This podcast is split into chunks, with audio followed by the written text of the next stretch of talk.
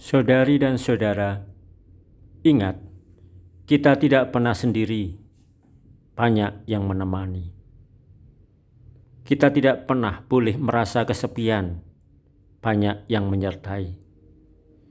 Tuhan Yesus Kristus nantiasa ada, sebab Dia adalah Emmanuel, Allah beserta kita. Ada pula Maria, ibu kita, bunda kita, yang tidak akan pernah meninggalkan anak-anaknya, kita semua.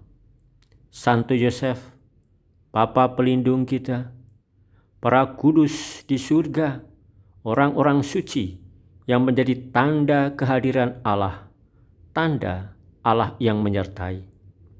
Jangan pernah merasa kesepian, jangan pernah merasa sendirian. Ingatlah, Tuhan selalu beserta kita.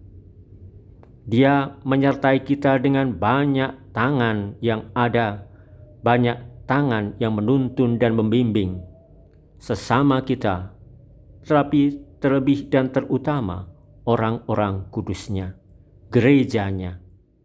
Saudari dan saudara, di tengah segala pengalaman yang kita alami saat ini, jangan pernah merasa kesepian, jangan pernah merasa sendirian. Tuhan menyertai. Amin.